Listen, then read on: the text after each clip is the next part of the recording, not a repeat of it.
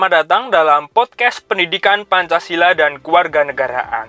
Nah, sebelumnya perkenalkan nama saya Yunan Ali Firdaus dari program studi Pendidikan Pancasila dan Kewarganegaraan.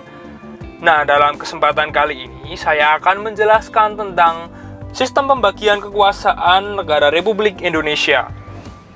Nah, kalian sering kan mendengar istilah pemerintah? Banyak sekali pemberitaan yang menayangkan tentang kebijakan dan orang-orang yang disebut pemegang jabatan, namun sering kali luput dalam pemahaman kita. Apa sih pengertian pemerintah itu? Oleh sebab itu, dalam podcast kali ini, mari kita ulas apa itu tentang pemerintahan dan sistem pembagian kekuasaan pemerintah. Seorang pakar politik bernama Soli Lupis membuat batasan pengertian pemerintah yaitu seorang atau beberapa orang yang memerintah menurut hukum negerinya. Bahkan ia menyatakan bahwa suatu masyarakat yang anarkritis atau A yang artinya tidak dan arci artinya pemerintah, bukanlah negara. Pengertian tersebut menjelaskan bahwa seorang atau kelompok orang itu hanya mengikuti hukum yang berlaku dalam pemerintahannya, barulah disebut pemerintah. Nah, jika masyarakat tidak patuh terhadap pemerintah dan aturannya, maka ia hanya disebut dengan negara. Indonesia sendiri menyusun suatu bentuk negara dan sistem pemerintahnya berdasarkan Undang-Undang Republik Indonesia tahun 1945 menurut pasal 1 ayat 1 Undang-Undang 1945 menegaskan bahwa Indonesia adalah negara kesatuan yang berbentuk republik. Hal ini menegaskan bahwa negara Indonesia didirikan adalah dengan bentuk negara kesatuan, bukan negara federal. Negara kesatuan mengatasi semua paham individu maupun paham golongan, Salah satu ciri negara kesatuan adalah kedaulatan negara tidak dibagi-bagi. Walaupun pemerintahan pusat mempunyai wewenang yang menyerahkan sebagian dari kekuasaan kepada pemerintah daerah, akan tetapi pada akhir kekuasaan tertinggi tetap berada dalam tangan pemerintahan pusat. Bagi negara kesatuan Republik Indonesia, pemerintah daerah atau provinsi merupakan bagian tidak terpisah serta tidak bersifat negara dalam negara. Nah, jadi tetap satu nih. Nah, hal ini sesuai dengan apa yang diamanatkan oleh Undang-Undang Negara Republik Indonesia tahun 1945. Negara Indonesia berbentuk republik. Nah, republik ini dipimpin oleh seorang presiden, bukan seorang raja seperti dalam bentuk pemerintahan monarki atau kerajaan. Bentuk pemerintahan republik ini dipimpin oleh presiden secara tidak turun-temurun, melainkan melalui mekanisme demokrasi yang berlangsung dan diakui dalam negara tersebut. Sistem pemerintahan suatu bangsa tergantung pada sistem politik yang dianut negara tersebut, sedangkan sistem politik suatu bangsa ditentukan oleh ideologi yang dianut oleh negara tersebut. Indonesia sudah menentukan ideologinya berdasarkan Pancasila, mereka maka sistem pemerintahan Indonesia berandaskan pada sila Pancasila terutama pada kerakyatan yang dipimpin oleh hikmat kebijaksanaan dalam permusyawaratan atau perwakilan. Dapat disimpulkan bahwa Indonesia memiliki pemerintahan yang demokrasi berlandaskan Pancasila. Nah, di sini nih ada sila-sila Pancasila yang pertama ada ketuhanan yang Maha Esa, yang kedua ada kemanusiaan yang adil dan beradab, yang ketiga persatuan Indonesia, keempat kerakyatan yang dipimpin oleh hikmat kebijaksanaan dalam permusyawaratan perwakilan. Yang terakhir, yang kelima, keadilan sosial bagi seluruh rakyat Indonesia. Bagaimana nih teman-teman? Sudah hafal belum Pancasila? Nah, memaknai nilai-nilai Pancasila pada tiap sila, kita dapat memahami mengapa Indonesia memilih sistem demokrasi berdasarkan Pancasila. Jika, jika diuraikan lebih luas, maka demokrasi Pancasila mempunyai prinsip-prinsip yang berbeda dengan sistem demokrasi lainnya. Kelebihan demokrasi Pancasila menurut prinsip-prinsip pokoknya yang pertama mengakui persamaan kedudukan bagi seluruh rakyat Indonesia, yang kedua mengutamakan keseimbangan antara hak dan kewajiban, Selanjutnya, menjamin pelaksanaan kebebasan yang bertanggung jawab secara moral kepada Tuhan Yang Maha Esa. Yang keempat, melanjutkan rasa keadilan sosial. Yang kelima, pengambilan keputusan secara musyawarah mufakat. Yang keenam, mengutamakan persatuan nasional dan kekeluargaan. Yang ketujuh, menjunjung tinggi tujuan dan cita-cita nasional. Nah, prinsip-prinsip tadi merupakan karakteristik dari sistem politik Indonesia. Ketujuh nilai tersebut dapat menuntun penguasa maupun rakyat Indonesia untuk senantiasa menjadi lebih baik dalam kehidupan bernegara. Prinsip-prinsip tadi juga berperan sebagai identitas diri bangsa Indonesia yang dapat dibanggakan. Ada empat ciri dari sistem politik yang membedakan dari sistem sosial lainnya. Yang pertama, Daya jangkaunya universal, meliputi semua anggota masyarakat. Yang kedua, daya kontrol yang bersifat mutlak terhadap pemakai kekerasan fisik. Yang ketiga, hak membuat keputusan-keputusan yang mengikat dan diterima secara sah. Yang keempat, keputusan yang bersifat otoritatif, yang artinya mempunyai kekuatan legalitas dan kerelaan yang besar.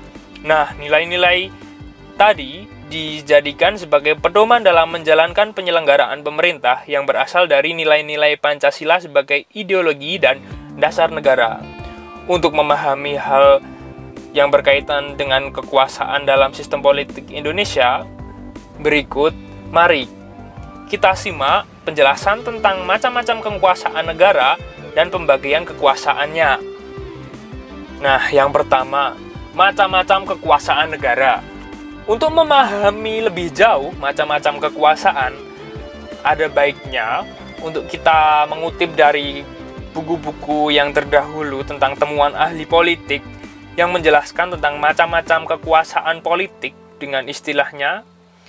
Nah, yang pertama ada menurut John Locke. Menurut John Locke, sebagaimana yang dikutip oleh Rianto, tahun 2006, bahwa kekuasaan negara itu dibagi menjadi tiga kekuasaan, yang pertama, kekuasaan legislatif, yaitu kekuasaan untuk membuat dan membentuk undang-undang.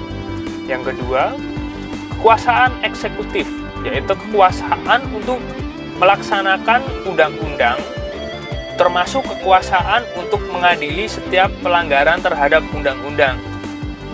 Yang ketiga, kekuasaan federatif, yaitu kekuasaan untuk melaksanakan hubungan dengan luar negeri Tokoh lainnya yang berpendapat tentang kekuasaan negara yaitu Montesquieu.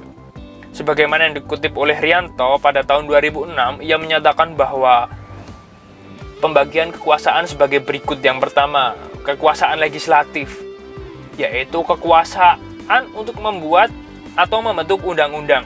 Yang kedua, kekuasaan eksekutif, yaitu kekuasaan untuk melaksanakan undang-undang. Yang ketiga, kekuasaan yudikatif. Kekuasaan yang mempertahankan undang-undang termasuk kekuasaan untuk mengadili setiap pelanggaran terhadap undang-undang. Montesquieu berpendapat bahwa kekuasaan federatif dimasukkan ke dalam kekuasaan eksekutif. Fungsi mengadili tidak dijadikan kekuasaan yang terdiri bersendiri. Ketiga kekuasaan tersebut dilaksanakan oleh lembaga-lembaga yang berbeda yang sifatnya terpisah. Teori Montesquieu dinamakan dengan trias politika. Yang kedua, konsep pembagian kekuasaan di Indonesia. Jika diamati secara seksama, mengapa sih perlunya pembagian kekuasaan di dalam negara ini? Nah, apa sih tujuannya? Ternyata Pembagian kekuasaan itu memiliki tujuan agar terjadi kontrol dan keseimbangan di antara lembaga pemegang kekuasaan, sehingga kekuasaan legislatif, kekuasaan eksekutif, maupun yudikatif tidak dipegang oleh satu orang saja. Istilah pemisahan kekuasaan ini dan pembagian kekuasaan merupakan dua istilah yang memiliki pengertian berbeda satu sama lainnya. Kusnadi dan Ibrahim pada tahun 1983 menyatakan bahwa pemisahan kekuasaan berarti pemisahan negara itu terpisah-pisah dalam pembagian. Nah, pembagian ini mengenai organ maupun fungsinya berdiri sendiri tanpa memerlukan koordinasi ataupun kerjasama, setiap lembaga menjalankan fungsi masing-masing. Contoh negara yang menganut mekanisme pemisahan kekuasaan adalah Amerika Serikat. Sedangkan dalam mekanisme pembagian kekuasaan, kekuasaan negara itu memang dibagi menjadi, menjadi berbagai kekuasaan. Yang pertama legislatif, yudikatif, maupun eksekutif. Nah, dan dimungkinkan ada koordinasi atau kerjasama. Mekanisme pembagian ini banyak sekali dilakukan oleh banyak negara di dunia, termasuk Indonesia. Nah, apa sih pembagian kekuasaan secara horizontal itu? Pembagian kekuasaan secara horizontal, pembagian kekuasaan menurut fungsi-fungsi lembaga tertentu ada fungsi legislatif, fungsi eksekutif, maupun fungsi yudikatif. Berdasarkan Undang-Undang Republik Indonesia tahun 1945, secara horizontal pembagian kekuasaan negara dilakukan pada tingkatan pemerintahan pusat dan pemerintahan daerah. Pembagian kekuasaan pada tingkatan pemerintahan pusat berlangsung antara lembaga-lembaga negara sederajat pembagian kekuasaan pada tingkat pemerintahan fungsi mengalami pergeseran setelah terjadinya perubahan Undang-Undang Negara Republik Indonesia tahun 1945. Pergeseran yang dimaksud adalah pergeseran klasifikasi kekuasaan negara pada umumnya terdiri dari atas tiga jenis kekuasaan menjadi enam kekuasaan. Yang pertama, kekuasaan konstitutif, yaitu kekuasaan untuk mengubah dan menetapkan undang-undang dasar. Kekuasaan ini dijalankan oleh Majelis Pemusyawaratan Rakyat sebagaimana yang ditegaskan dalam pasal 3 ayat 1 UUD 1945 yang menyatakan bahwa MPR berwenang mengubah dan menetapkan undang-undang dasar. Yang kedua, kekuasaan eksekutif, yaitu kekuasaan untuk menjalankan undang-undang dan penyelenggaraan pemerintahan negara. Kekuasaan ini dipegang oleh presiden sebagaimana ditegaskan dalam pasal 4 ayat 1 UUD Republik Indonesia tahun 1945 yang menyatakan bahwa presiden memegang kekuasaan pemerintah menurut Undang-Undang Dasar yang ketiga, kekuasaan legislatif. Kekuasaan untuk membentuk undang-undang kekuasaan ini dipegang oleh DPR atau Dewan Perwakilan Rakyat sebagaimana yang ditegaskan dalam pasal 20 ayat 1 UUD Republik Indonesia tahun 1945 yang menyatakan bahwa DPR memegang kekuasaan berbentuk undang-undang. Yang keempat, kekuasaan yudikatif atau disebut kekuasaan kehakiman. Kekuasaan untuk menyelenggarakan peradilan guna menegakkan hukum dan keadilan. Kekuasaan ini dipegang oleh MA atau Mahkamah Agung dan MK Mahkamah Konstitusi sebagaimana yang ditegaskan dalam pasal 24 ayat 2 Undang-Undang Negara Republik Indonesia tahun 1945 yang menyatakan bahwa kekuasaan kehakiman dilakukan oleh sebuah mahkamah agung dan badan peradilan yang berada di bawahnya dalam lingkungan pengadilan umum, lingkungan pengadilan agama, lingkungan peradilan militer, lingkungan peradilan tata usaha negara, dan oleh sebuah mahkamah konstitusi. Yang kelima, kekuasaan inspektif atau kekuasaan eksminatif, yaitu kekuasaan yang berhubungan dengan penyelenggaraan pemerintah hmm, atas pengelolaan dan tanggung jawab tentang kekuasaan negara. Kekuasaan ini dijalankan oleh BPK atau Badan Pemeriksaan Keuangan sebagaimana yang ditegaskan dalam pasal 23E ayat 1 Undang-Undang Negara Republik Indonesia tahun 1945 yang menyatakan bahwa untuk memeriksa pengelolaan dan tanggung jawab negara keuangan negara diadakan oleh satu badan pemeriksaan keuangan yang bebas dan mandiri atau independen.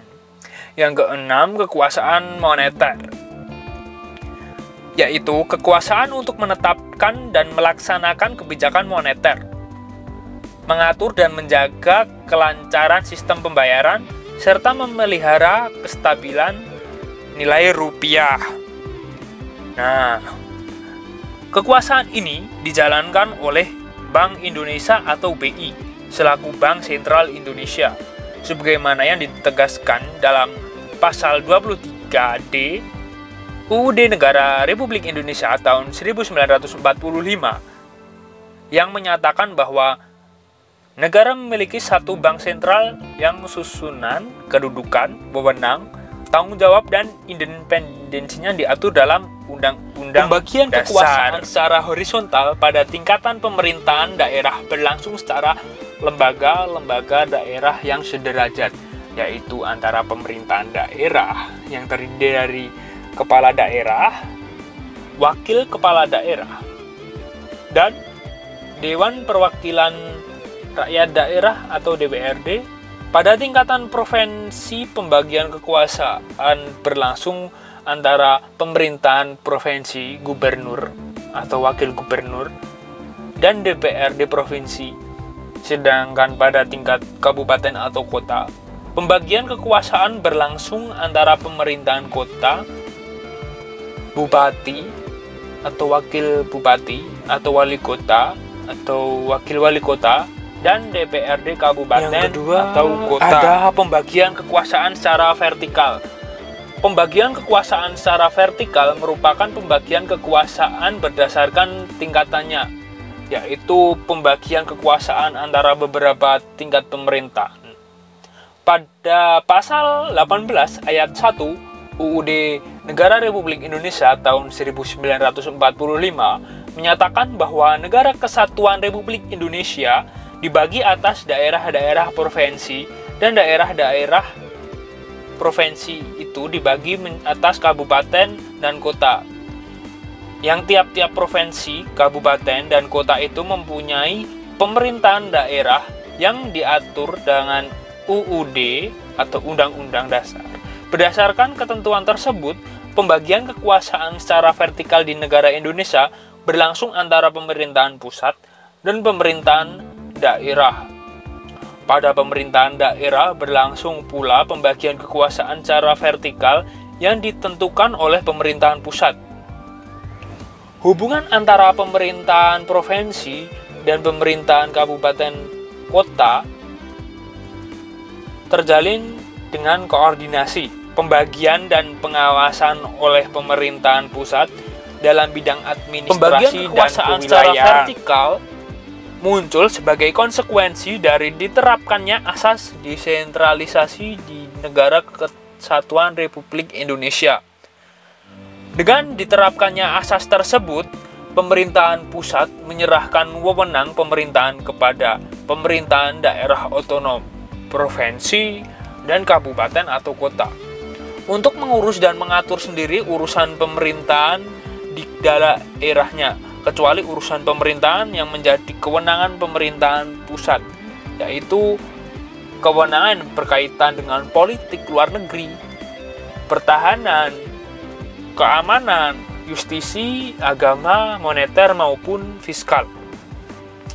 Hal tersebut ditegaskan dalam pasal 18 ayat 5 UUD Negara Republik Indonesia tahun 1945 yang menyatakan pemerintahan daerah menjalankan otonomi seluas-luasnya kecuali urusan pemerintahan yang oleh undang-undang ditentukannya sebagai urusan pemerintahan pusat. Nah, itu tadi tentang sistem pembagian kekuasaan dalam negara Republik Indonesia. Saya akan merangkum sedikit tentang penjelasan dalam podcast kali ini. Macam-macam kekuasaan negara. Menurut John Locke, sebagaimana dikutip oleh Rianto, tahun 2006, bahwa kekuasaan negara itu dapat dibagi menjadi tiga macam, yakni kekuasaan legislatif, kekuasaan eksekutif, dan kekuasaan federatif. Montesquieu juga menjelaskan tentang pembagian kekuasaan. Yang pertama, kekuasaan legislatif, kekuasaan eksekutif, dan kekuasaan yudikatif. Konsep pembagian kekuasaan di Indonesia menerapkan atas dua bagian. Yang pertama kekuasaan secara horizontal dan pembagian secara vertikal. Pembagian kekuasaan secara horizontal merupakan pembagian kekuasaan menurut fungsi lembaga-lembaga tertentu. Yang pertama, kekuasaan konstitutif yaitu kekuasaan untuk mengubah dan menetapkan undang-undang dasar. Yang kedua, fungsi eksekutif. Kekuasaan menjalankan undang-undang dan penyelenggaraan pemerintahan negara. Yang ketiga, kekuasaan legislatif. Kekuasaan untuk membentuk undang-undang dasar. Kekuasaan ini dipegang oleh DPR. Yang keempat, kekuasaan yudikatif atau disebut kekuasaan kehakiman. menyelenggarakan pengadilan guna menegakkan hukum dan keadilan. Yang kelima, kekuasaan eksaminatif atau inspektif, yaitu kekuasaan dengan penyelenggaraan pemeriksaan pengelolaan dan bertanggung jawab tentang keuangan negara. Nah, yang terakhir, kekuasaan moneter, yaitu kekuasaan untuk menetapkan dan melaksanakan kebijakan moneter, mengatur dan menjaga kelancaran sistem pembayaran serta memelihara kestabilan rupiah. Pembagian kekuasaan secara vertikal. Pembagian kekuasaan secara vertikal muncul sebagai konsekuensi dari diterapkannya asas desentralisasi dengan asas tersebut, pemerintahan pusat menyerahkan kewenangan pemerintahan kepada pemerintahan daerah otonom yang terdiri dari provinsi dan kabupaten atau kota. Untuk mengurus dan mengatur sendiri urusan pemerintahan di daerahnya, kecuali urusan pemerintahan yang menjadi kewenangan pemerintahan pusat, yaitu kewenangan yang berkaitan dengan politik luar negeri, pertahanan, keamanan, justisi, maupun agama dan moneter fiskal. Nah, cukup sekian pada episode podcast hari ini. Semoga bermanfaat dan jangan lupa jaga kesehatan.